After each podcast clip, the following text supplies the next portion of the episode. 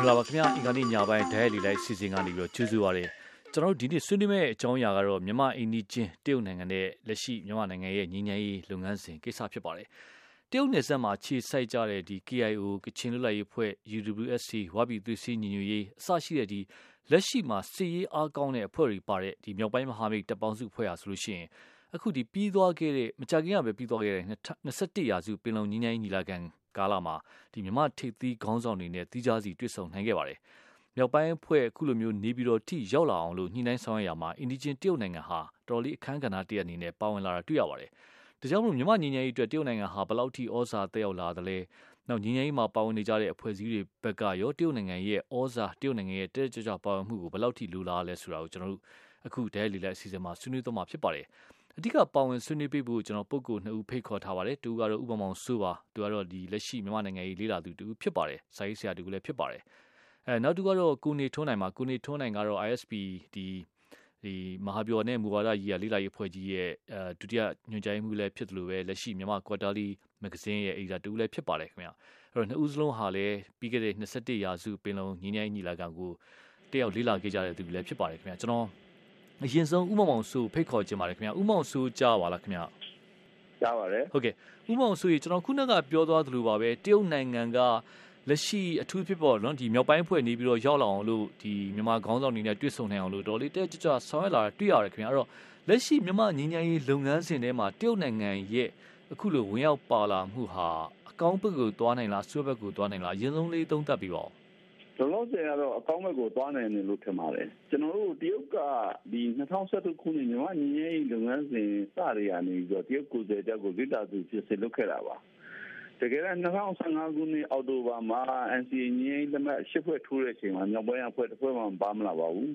အဲ့ဒီနောက်ပိုင်း2016ခုနှစ်နှစ်ကုန်ပိုင်းမှာတရုတ်နယ်စပ်ကျောင်းမှာတိုက်ပွဲတွေပြင်းပြင်းဖြစ်လာတဲ့အချိန်မှာအဲ တရုတ်အနေနဲ့ဒီငញ្ញရေးလုပ်ငန်းစဉ်မှာတက်တက်ကြကြပါလာတာတွေ့ရပါတယ်။ပါလာတဲ့အပြင်ကိုမြောက်ပိုင်းအဖွဲ့တွေကို NCA ထိုးဖို့တိုက်တွန်းလာတာတွေ့ရပါတယ်။အဲဒီမှာတော့စဉ်းစားစရာဖြစ်တာကဒီမြောက်ပိုင်းအဖွဲ့တွေက NCA နဲ့ပတ်သက်လို့အဲတော့အငင်းပွားဝယ်ရပြဿနာတစ်ခုဖြစ်ပြင်ပြင်ဖို့လိုအပ်တယ်လို့ပြောနေတဲ့အချိန်မှာတရုတ်က NCA ကိုပြောတာဟာ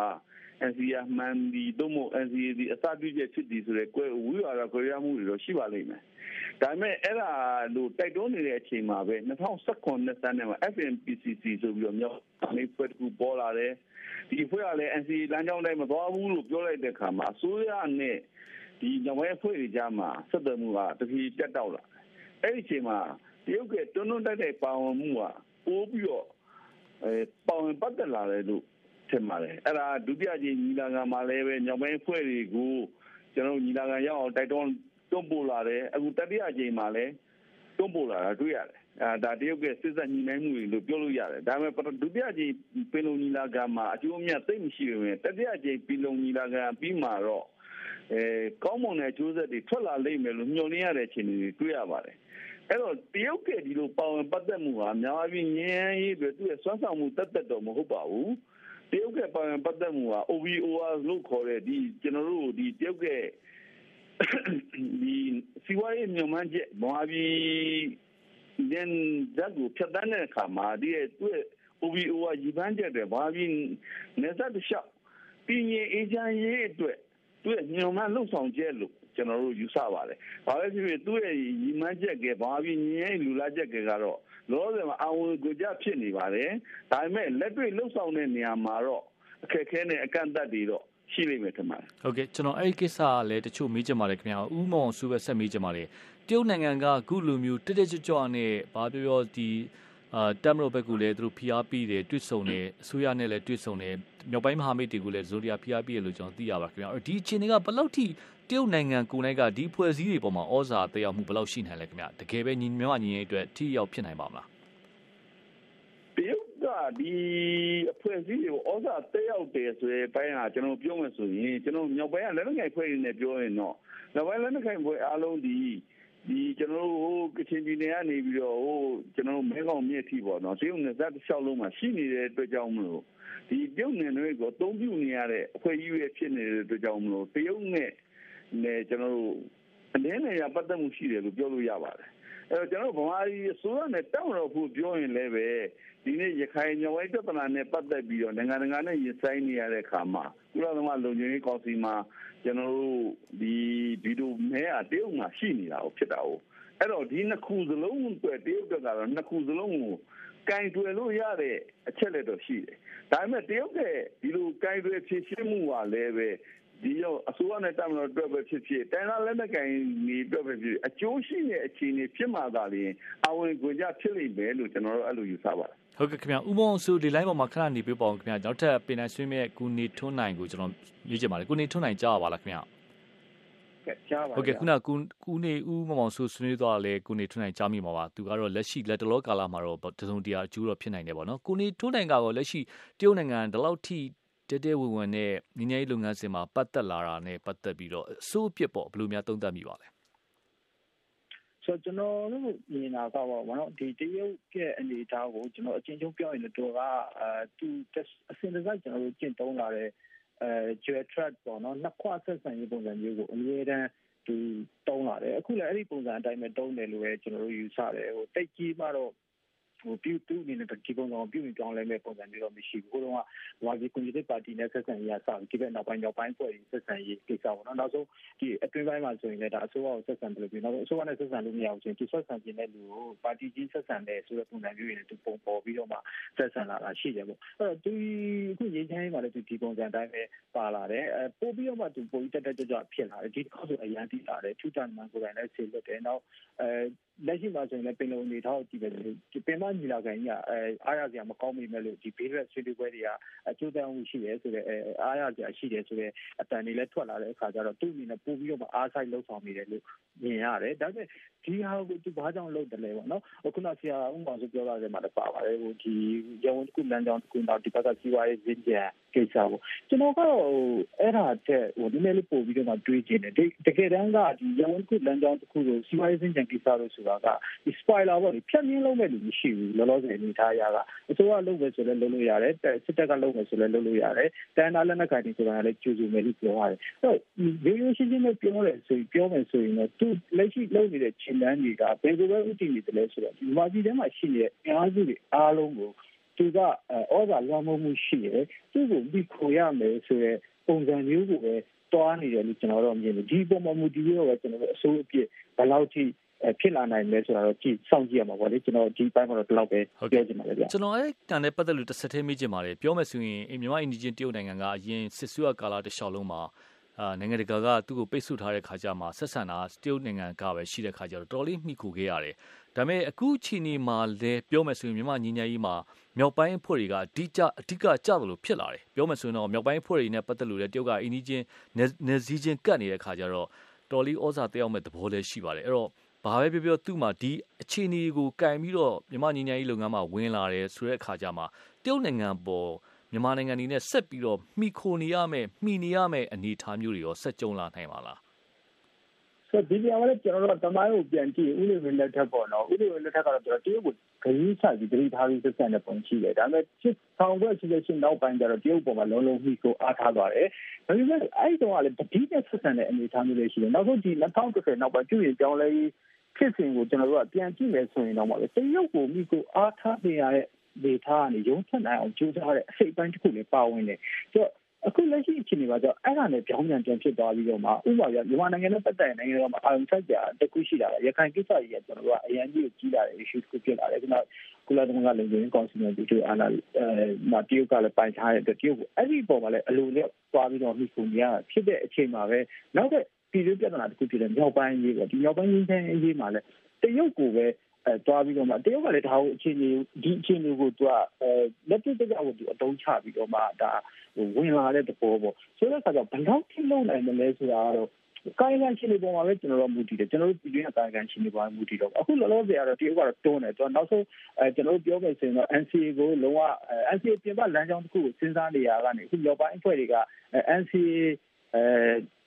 လမ်းကြောင်းလေးကိုလမ်းကြောင်းပေါ်မှာနည်းနည်းတင်ကြည့်တဲ့ဘောမျိုးလေးတွေပြောလာတွေ့ရတဲ့အခါကျတော့ သူ့ရဲ့ဟာကဘယ်လောက်ထိအဲတရုတ်ကဘယ်လောက်ထိစွမ်းမိုးနိုင်တယ်လဲဘယ်လောက်ထိတွန်းအားပေးနိုင်တယ်လဲဒါတေချာတာကတော့ပြည်တွင်းမှာရှိနေတဲ့သူတွေကတိုင်းသားလက်နက်ကိုင်တွေတရုတ်နဲ့ဘယ်လိုပဲနှိစက်နှိစက်သူတို့ကပြည်တွင်းမှာပဲရှိနေတဲ့သူတွေဖြစ်တဲ့အတွက်ကြောင့်ပြည်တွင်းနဲ့ပဲတက်ဆိုင်တဲ့သူတွေဖြစ်တဲ့အတွက်ကြောင့်ပြည်တွင်းကသူတွေကိုယ်တိုင်ကစိတ်လိုလက်ရဖြစ်မှာသာလျှင်ပို့ပြီးတော့မှတက်ရောက်မှုရှိနေတယ်လို့ထင်တယ်တရုတ်ရဲ့ရည်ရွယ်ချက်ကတော့ကျွန်တော်အစောပိုင်းကပြောသလိုပဲအစုဖွဲ့တိုင်းအစုဖွဲ့တိုင်းကသူ့အပေါ်မှာမိဖို့နေစီတယ်သူ့အပေါ်မှာအား အဲအားထားစီခြင်းနဲ့အဲ့ဒီအနေထားလဲအခုချိန်မှာဖြစ်နေပြီသူ့ရဲ့ဩဇာကလည်းအရင်စစ်ဆိုးရလက်ထက်နဲ့တော့မတူတော့ဘူးဒီချိန်မှာတရုတ်မကောင်းကြောင်းပြောဖို့ပြောတဲ့လူတော့အတော်နေသွားပြီဆိုတဲ့အခါကျတော့သူ့ရဲ့အာဩဇာအာဏာကတော့ဟိုအရင်ဆိုးရလက်ထက်တွေမြန်မာပြည်မှာပို့ပြီးတော့တက်ရောက်မှုရှိနေတယ်နိုင်ငံရေးရဩဇာအာဏာမှာတက်ရောက်မှုရှိနေတယ်လို့ကျွန်တော်မြင်တယ်သူကလည်းဒီအခြေအနေကိုပဲသဘောကျတယ်ဒီအခြေအနေပဲလိုချင်တယ်လို့ယူဆတယ်အဲ့ဒီအခြေလမ်းတွေအတိုင်းပဲဒီဆက်ရှောက်နေလို့ပဲကျွန်တော်မြင်ပါဗျာ ဒီလက်ရှိမြန်မာစစ်တပ်ပေါ်မြန်မာတပ်မတော်နဲ့ပတ်သက်လို့ရောသူနားချနိုင်မယ်လို့ထင်ပါလားခင်ဗျဒီငင်းငင်းနဲ့ပတ်သက်လို့ပဲဖြစ်ဖြစ်ကျွန်တော်အမြင်ပေါ့ကျွန်တော်တို့တခြားကျွန်တော်ပြောလို့မရတဲ့အခန်းကဏ္ဍတွေရှိပါတယ်အဲအဲ့ဒီအခန်းကဏ္ဍတွေအနေထားရဆိုရင်တော့တပ်မတော်ကလည်းတရုတ်ကိုအဲကျွန်တော်ထင်တယ်ဟိုဆက်ပြီးတော့မှဒီလိုတတိအနေထားနဲ့တော့ဆက်ဆံလိမ့်မယ်အဲ့ဒီအတွက်ကြောင့်မို့လို့အဲနားချနိုင်မလားဆိုတာကတော့ကျွန်တော်တို့ရန်ကုန်ပြည်တော့ မယုံကြည်နိုင်ပါဘူးဗျဟိုတရုတ်ကိုပြေဝနားချနိုင်မလားဆိုတဲ့ကိစ္စပေါ့နော်တရုတ်ကပဲအဲအစိုးရကိုပြေဝနားချနိုင်မှာတရုတ်ကတက်မလို့ပြေဝနားချနိုင်မလားဆိုတဲ့ လေးခုတွေအတွက်ဆိုရင်တော့ကျွန်တော်အနေနဲ့ရန်ကုန်ပြည်ဒီဟာဖြစ်နိုင်လိမ့်မယ်လို့တော့ကျွန်တော်ယူဆပါဘူးဗျဟုတ်ကဲ့ခင်ဗျကိုမောင်မောင်ဆူရောကိုနေထွန်းနိုင်ကိုလီလိုက်ပေါ်မှာခဏနေပြီးအောင်ခင်ဗျကျွန်တော်တို့ရှင်နေချိုဖိတ်ခေါ်ကြပါတယ်ကျွန်တော်ပြည်ဆုံးကိုလွန်းဆောင်ကိုဖိတ်ခေါ်ကြပါတယ်ခင်ဗျကိုလွန်းဆောင်ကလက်ရှိကချင်ငိမ့်ညမ်းရေးလှုပ်ရှားမှုကော်မတီမှာလည်းပါတယ်လက်ရှိကချင်မှာဖြစ်နေတဲ့စစ်ပွဲတွေနဲ့ပတ်သက်လို့ငိမ့်ညမ်းရေးလှုပ်ရှားနေသူတူလည်းဖြစ်ပါတယ်ခင်ဗျအဲ့တော့ကိုလွန်းဆောင်ကိုကျွန်တော်ကကိုလွန်းဆောင်အမြင်မပြောခင်မေးမြန်းတာမလုပ်ခင်ကျွန်တော်ကိုလွန်းဆောင်အမြင်အရင်ဆုံးမေးချင်ပါတယ် တရုတ်နိုင်ငံကအခုလိုမျိုးမြောက်ပိုင်းကိစ္စတွေမှာအဲဂျားဝင်ညှိနှိုင်းလာတဲ့ကိစ္စနဲ့ပတ်သက်လို့ကိုလွန်ဆောင်ဘယ်လိုများမြင်ပါလဲခင်ဗျဟုတ်ကဲ့ဒါကတော့တစ်ဖက်ကကျွန်တော်တို့ဒီကချင်တိုင်းသားတယောက်အနေနဲ့ကျွန်တော်တို့ဒါလဲလဲနဲ့ကျွန်တော်တို့ကြိုးဆိုပါတယ်ဒီဒီနိုင်ငံကနေကျွန်တော်တို့မြန်မာပြည်ငင်းချမ်းရေးဒီဆောင်မှုဖြစ်စဉ်ပေါ်မှာတက်တက်ကြွကြွနဲ့ကျွန်တော်တို့ပါဝင်လာတာဒါဖြစ်တင်တာကြာပြီလို့တောင်မှကျွန်တော်တို့မြင်မိပါတယ်ဒါမှလည်းတစ်ဖက်ကပြောမှဆိုရင်ဒါက အာခြေတနာအမှန်နဲ့ဖြစ်စေချင်တဲ့ဒီမြတ်တာဘောစံတာနဲ့မဟုတ်ပဲနဲ့တစ်ခါခါချီအားပုံတံနဲ့လုပ်နေတယ်လို့ကျွန်တော်တို့အဲ့လိုမျိုးမြင်မိပါတယ်။ဘာဖြစ်လဲလဲဆိုရင်ကျွန်တော်တို့ဒီဇွန်လ9ရက်နေ့မှာကျွန်တော်တို့ဒီအခုတရုတ်တန်မတ်ဟောင်းလင်းရဲ့ကျွန်တော်တို့သူတို့ဒီရန်ကုန်စံရုံးမှာကျွန်တော်တို့တွားတွေ့ဆုံတဲ့အချိန်မှာသူကကျွန်တော်တို့ဒီကချင်လူငယ်တွေကို MCA ထိုးရမယ် MC ခင်ဗျားတို့ကချင်ဒီ MCA ထိုးရမယ်ဆိုပြီး ဒီ MCA ထိုးဖို့ပဲတိုက်တွန်းတဲ့ပုံစံတွေကျွန်တော်တို့မြင်နေရတယ်ဆိုတော့တစ်ဖက်ကပြန်ကြည့်နေဆိုရင်ကတော့ဒီတရုတ်နိုင်ငံရဲ့ကျွန်တော်တို့ဒီမြန်မာပြည်ရဲ့ငင်းချမ်းရေးအခမ်းကဏ္ဍမှာအင်မတန်မှအရေးကြီးတယ်လို့ကျွန်တော်တို့ဒါကျွန်တော်တို့လည်းမှတ်ယူပါတယ်ယုံလည်းယုံကြည်ပါတယ်တရုတ်နိုင်ငံနဲ့ဒီတက်တက်ကြွကြွပါဝင်တာကိုလည်းကျွန်တော်တို့အများကြီးကျေးဇူးတင်တယ်ဒါမှလည်းအခုတရုတ်နိုင်ငံအနေနဲ့ကျွန်တော်တို့အခုသူ့ရဲ့ဒီမြန်မာပြည်ရဲ့အထူးသဖြင့်ကျွန်တော်တို့ကချင်ပြည်နယ်မှာစစ်ပွဲတွေစက်တိုက်သတ်မှတ်တော့ဘက်ကနေအင်တာနက်ထိုးစစ်ဆင်မှုတွေဖြစ်နေတဲ့ အချိန်တော်တွင်းမှာကျွန်တော်တို့ဒီစီးပွားရေးဆိုင်ရာကျွန်တော်တို့ investment တွေဒီစမှုစုံမြစ်နာမြို့နယ်တွင်အတော်တွင်မှာစမှုစုံစီမံကိန်းဧက9000ကိုဒေတာခံတွေနဲ့ဆွေးနွေးတိုင်ပင်မှုမရှိဘဲနဲ့ဒီဒီတရုတ်အစိုးရနဲ့ကျွန်တော်တို့ဒီမြန်မာပြည်အစိုးရနဲ့ MOU ထိုးတဲ့ကိစ္စတွေပြီးရင်ကျွန်တော်တို့ဒီကချင်ပြည်နယ်မြစ်နာမြို့မှာတရုတ်မြန်မာဆက်ဆံရေးရုံးတွေကိုကျွန်တော်တို့ဒေတာခံခေါင်းဆောင်တွေနဲ့ဘာမှဆွေးနွေးမှုမရှိဘဲနဲ့နေပြီးတော့ဗဟိုအစိုးရနဲ့ပဲဆွေးနွေးပြီးမှတရုတ် မြန်မာဆက်ဆံရေးနေဆက်ဆက်ဆံရေးကျွန်တော်တို့ဒီရုံပုံစံနဲ့ကျွန်တော်တို့ဖွင့်တဲ့ဟာတွေပြီးရင်ကျွန်တော်တို့ဒီ data ခံတွေရဲ့အာလူခွင့်ရေးပြဿနာတွေကိုကျွန်တော်တို့တုံ့ပြန်မှုတွေစုံတရားကျွန်တော်တို့မရှိဘဲနဲ့ကျွန်တော်တို့ဒီအာစစ်တပ်ရေးရာကိုလည်းကျွန်တော်တို့ပြန်ကြည့်နေဆိုရင်အထူးသဖြင့်ကျွန်တော်တို့ဒီတရုတ်နိုင်ငံနဲ့ဆက်ဆက်တဲ့နေဆက်ရှိဆက်တဲ့တရားငါးမိုင်ဒီမှာပဲစစ်ဖြစ်တဲ့အချိန်မှာပဲတရုတ် ဗန်ယုံဘက်ကနေသုံးတရားတုံ့ပြန်မှုရှိတယ်နဲ့ကျွန်တော်တို့တခြားကျွန်တော်တို့အခြားဒေတာတွေမှာကျွန်တော်တို့အချင်းပြည်နယ်ဒါမှကဒေတာအနှံ့အပြားမှာတမတော်ဘက်ကနေထိုးစစ်ဆင်မှုတခြားတွေရှိလာတဲ့အချိန်မှာသူ့ဘက်ကနေသုံးတရားတုံ့ပြန်မှုတွေမရှိတာတော့ကျွန်တော်တို့တော်တော်လေးဝမ်းနည်းမိပါတယ်ဆိုတော့ဒီကျွန်တော်တို့မြန်မာပြည်ရဲ့လက်ရှိငင်းချမ်းရဲ့အပေါ်မှာမြန်မာတမတော် အာရဲ့အခန့်ကဏ္ဍဟာအင်မတန်မှအရေးပါပါတယ်ဆိုတော့တရုတ်နိုင်ငံလည်းကျွန်တော်တို့ဒီမြန်မာပြည်ရဲ့ခုနဆရာတို့ဆွေးနွေးတယ်လို့မျိုးကျွန်တော်တို့တရုတ်နိုင်ငံကတော့အတိုင်းအတာတစ်ခုအထိကျွန်တော်တို့မြန်မာတမတော်ကိုတော့၎င်းမြန်မာပြည်အစိုးရကိုတော့၎င်းတိုင်းတာလက်နက်ကန်တွေကောင်အတိုင်းတာတစ်ခုအထိဒီဘက်ကနေအဲတွန်းအားပေးနိုင်တယ်လို့ကျွန်တော်တို့ယုံကြည်ပါတယ်ဒါကြောင့်မို့မြန်မာဒီမြန်မာအင်းချမ်းရေးတည်ဆောက်မှုအပေါ်မှာတရုတ်ဒီအစိုးရအနေနဲ့ကျွန်တော်တို့လဲလဲနဲ့နဲ့ထားပြီးမှ ကျွန်တော်တို့ဒီ data ခံတိုင်းရင်းသားပြည်သူတွေအားလုံးပူးပေါင်းပါဝင်နိုင်တဲ့အနေအထားတွေကိုလည်းဒီကျွန်တော်တို့အရေးကြီးတဲ့တမတော်အစိုးရဒီတိုင်းကားလက်နက်ကန်ကြီးကြားထဲမှာကျွန်တော်တို့ဒီအစိုးရအနေနဲ့တော့၎င်းတိုင်းအသည့်တမ်တမ်တော်အနေနဲ့တော့၎င်းတနိုင်ငံလုံးအပြည့်အခက်ရက်စဲရေးကိုကျင်းညာပေးချေပြီးမှကျွန်တော်တို့ဒီမတရားအတင်းတွေကိုကျွန်တော်တို့ကတရားဝင်ထုတ်ပြီးပြည်သူတွေအားလုံးပူးပေါင်းပါဝင်နေတဲ့ငင်းချင်ရဲ့အချင်းချင်းကိုပွင့်လင်းမြင်သာထင်သာတဲ့အားလုံးကျွန်တော်တို့ အဲပွင့်လင်းစာပေါ့နော်စေတနာအမှန်နဲ့အားလုံး inclusive ဖြစ်နိုင်အောင်ကျွန်တော်တို့ဖန်တီးပေးနိုင်တော့ပိုပြီးမှတင့်တော်မလို့ကျွန်တော်တို့အဲ့လိုမျိုးမြင်မိပါတယ်ဟုတ်ကဲ့ခင်ဗျကျွန်တော်ဟိုလေးကိုကိုမောင်ဆိုးကိုအရင်ဆုံးမေးချင်ပါတယ်ခုနကမြောက်ပိုင်းအဖွဲ့တွေနဲ့ပတ်သက်လို့ပါပဲအဲမြောက်ပိုင်းအဖွဲ့တွေကိုတရုတ်ကနေပြီးတော့တစုံတရာဖိအားပေးပြီးတော့ NCA လက်မှတ်ထိုးခိုင်းတယ်နောက်တစ်ခုကမြန်မာနိုင်ငံထဲမှာသူတို့နေပြီးတော့မှညီလာခံတက်တုန်းကလည်းသတင်းစာရှင်းလင်းပွဲလုပ်မယ်ဆိုတော့တရုတ်ဘက်ကနေပြီးတော့မလုပ်ဖို့ တားတယ်လို့လည်းသိရတယ်ကျွန်တော်တို့ကသတင်းကြားတာပေါ့နော်အတီးပြုတ်ချက်တော့လုပ်လို့တော့မရပါဘူးနောက်တစ်ခုကအဲလက်ရှိမြောက်ပိုင်းဖွဲ့တွေလာတဲ့အချိန်မှာလုံခြုံရေးဟာစသူတို့ခေါ်လာတဲ့အထက်မှာတရုတ်နိုင်ငံတာဝန်ယူပြီးတော့ခေါ်လာတယ်လို့သိရပါတယ်ခင်ဗျာမြောက်ပိုင်းဖွဲ့တွေနဲ့ပတ်သက်လို့တရုတ်ဩဇာဘယ်လိုများရှိပါလဲခင်ဗျာ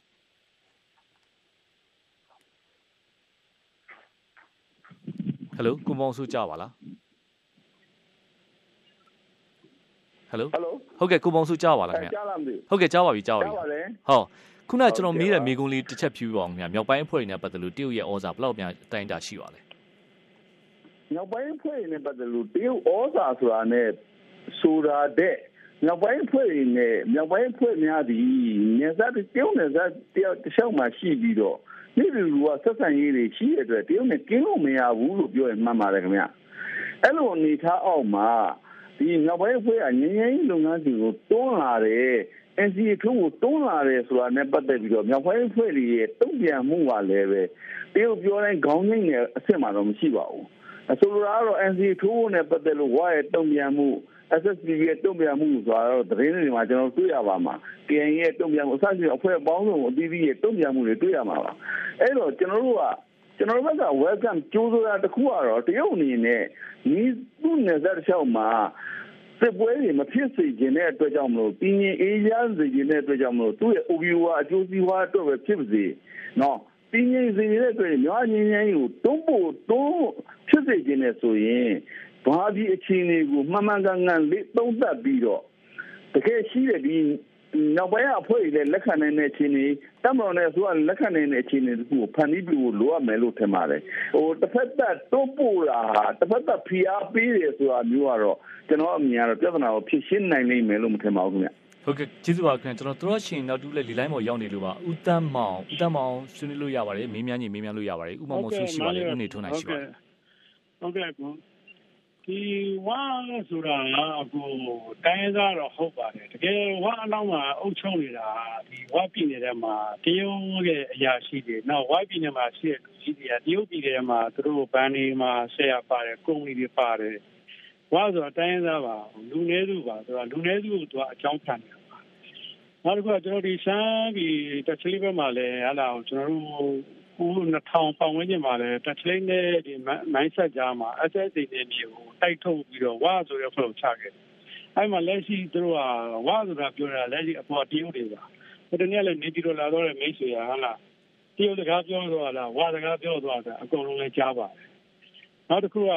ဒီတက်ချလိနားမှာရှိတဲ့ဆန်းကိုကြတိုက်ထုတ်တယ်အခုဟလာကျွန်တော်ရခိုင်ပြည်နယ်မှာရှိတဲ့ဟလာဟိုလိုရင်းညခေါ်ပါဘင်္ဂါလီခေါ်ပါဒါသူတို့ အကုန်လုံးရှင်းလင်းပြီးတော့သူတို့ဖယ်လိုက်တယ်သူတို့ကအဲ့ဒါကိုပြီးဟလာ UN မှာဟလာကျွန်တော်ဒီကုလသမဂ္ဂမှာသူတို့ကဗီဒီယိုအာနာသုံးတယ်ဒါတွေကဟိုဒီတရုတ်တရုတ်ဒီပတ်ဝန်းကျင်နယ်စပ်တွေမှာတရုတ်ဟိုအာကိုဗီတိုးတက်လာဆိုတာနိုင်ငံမတွေ့သေးပါဘူးကျွန်တော်လာအောင်ရှိမယ်ဟလာဟို အိန္ဒိယနယ်စပ်လည်းရှိတယ်တိပတ်လည်းရှိတယ်မတိုးတက်ပါဘူးသူ့ရဲ့ level ကြီးအုပ်ချုပ်မှုပါပဲဟုတ်ကဲ့ကိုဒီလောက်ပါပဲဟုတ်ကဲ့ဦးတမောင်ကျေးဇူးပါခင်ဗျာဒါကတော့သောရှင်တယောက်ရဲ့အမြင်ဖြစ်ပါတယ်ခင်ဗျာကျွန်တော်ကိုနေထွန်းနိုင်ကိုပဲဒီတရုတ်နဲ့ပတ်သက်လို့တခုလေးမေးမေးချင်ပါတယ်ခင်ဗျာလက်ရှိမြန်မာနိုင်ငံခုနကကိုနေထွန်းနိုင်ပြောသွားတဲ့အထက်မှာနိုင်ငံရေးရပါတစုံတရာဩဇာရှိလာနိုင်တယ်ဆိုတဲ့သဘောပြောသွားတာတွေ့ပါတယ်ခင်ဗျာအဲ့တော့အဲ့တော့လက်ရှိအဲလက်ရှိ NLD အစိုးရရဲ့တရုတ်နိုင်ငံနဲ့ပတ်သက်လို့ဆက်ဆက်မှုနဲ့ပတ်သက်လို့ဘယ်လိုများသုံးသပ်ချင်ပါလဲ ဆိုတော့ဒီအားလည်းပြီးခဲ့တဲ့ကာလဟိုဖြစ်စဉ်တွေကိုကျွန်တော်ပြန်ကြည့်ရင် တတွေ့နိုင်တယ်နောက်တစ်ခုကဒီနိုင်ငံတော်အစိုးရရဲ့ဒီတွားနေတဲ့ခီးတွေဒီစစ်မြညာရှိတွေကိုတွားနေတဲ့ခီးတွေကိုကြည့်လိုက်ရင်ဒီတရုတ်နဲ့တော်တော်ကြီးကိုအထူးဖြင့်ဒီနိုင်ငံတကာမျက်နှာစာမှာရင်ဆိုင်လို့ဆိုရင်တော့ဒါအိုင်ရေးကိစ္စနဲ့ပတ်သက်လို့ပေါ့နော်ဒါကကျေကူရပါအနေနဲ့ငင်းငင်းဖြစ်စီရန်ထပ်ပါလာတော့ဒီနေ့မှာကျွန်တော်တို့နည်းနည်းလေးတတိပြုတင်တာကဟိုနိုင်ငံရဲ့အချုပ်ချာအာဏာပေါ့နော်ကျွန်တော်တို့အများအားပြောလေးရှိတဲ့ကိစ္စပါပဲဆိုတော့ဥပမာအပြင်ကျွန်တော်တို့ကဒီ JMC ပေါ့အဖြစ်ကပူတိုက်ခိုက်မှုရစတူအားဆောင်ကြီးကော်မတီပေါ့အဲ့ဒီမှာဆိုရင်ကျွန်တော်တို့ကဒီနိုင်ငံသားတွေအဲပါဝင်ပတ်သက်မှုကိုဒါတက်မတော်ဘက်ကလည်းသဘောမကျဘူးကျန်တဲ့လူတွေကသဘောမကျတဲ့သူတွေရှိတယ်ပေါ့နော်အဲဒါပေမဲ့တိကျကကြတော့ထုံးစံတိုင်းသူကထုံးစံတိုင်းနေပြီးတော့ကျွန်တော်တို့ဝင်လာတယ်အဲဒီမြောက်ပိုင်းဖွဲ့တွေကိုသူသူသူလေရင်လည်းပဲသူစီစဉ်တယ်နောက်ဆုံးဖိတ်စာအစားသူကတင်ပို့တာမျိုးပေါ့နော်ဆိုတော့ရောက်လာတယ်ဆွေးနွေးကြတယ်အဲ့ဒီမှာလည်းကျွန်တော်တို့ဘာဆုံးရှုံးတာကျွန်တော်တို့တတိယလဲဆိုတော့မီဒီယာတွေသူတို့ဟို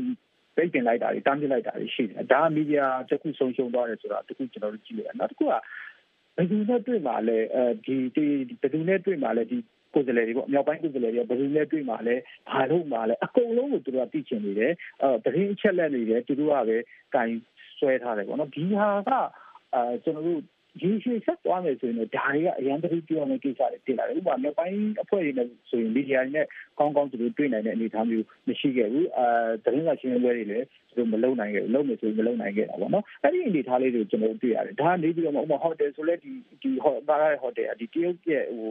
ပိုင်နယ်လေးတစ်ခုလို့တော့ဖြစ်သွားတဲ့အနေအထားမျိုးလောက်ရှိတယ်ဒါတွေကကျွန်တော်တို့ တစ်ခါကပြန်ကြည့်ရင်အချုပ်ချာအာဏာနဲ့တွားပြီးတက်ဆိုင်နေတယ်ပေါ့နော်ဆိုတော့ဒါတွေကိုလည်းကျွန်တော်တို့သတိထားဖို့လိုလိမ့်မယ်တခုကတော့ကျွန်တော်တို့တိုးတက်မှုရှိတာအဲတိုးတက်မှုကိုဆောင်ကျင်းနိုင်ရင်တော့ကောင်းတယ်ဒါပေမဲ့တစ်ဖက်မှာလည်းအဲ့ဒီတိုးတက်မှုကကျွန်တော်တို့အချုပ်ချာအာဏာနဲ့လဲရမယ်ဆိုရင်တော့ဒါကျွန်တော်တို့အတွက်ဆိုရင်ကြကောင်းတဲ့ကိစ္စတစ်ခုလိုပဲကျွန်တော်မြင်ပါတယ်ဗျခင်ဗျာကျွန်တော်တို့ဓာတ်ရိုက်လီလိုက်အစီအစဉ်အချိန်လဲစစ်တော်လို့ပါအဓိကပါဝင်ဆွေးနွေးပြီးတဲ့ဥမမောင်စိုးဦးနေထွန်းနိုင်နဲ့တို့ရှိနေအားလုံးကိုကျေးဇူးအများကြီးတင်ပါတယ်ခင်ဗျာဓာတ်ရိုက်လီလိုက်အစီအစဉ်ကျွန်တော်တို့ဒီမှာပဲရန်နာခွင့်ပြပါခင်ဗျာအားလုံးကိုကျေးဇူးတင်ပါတယ်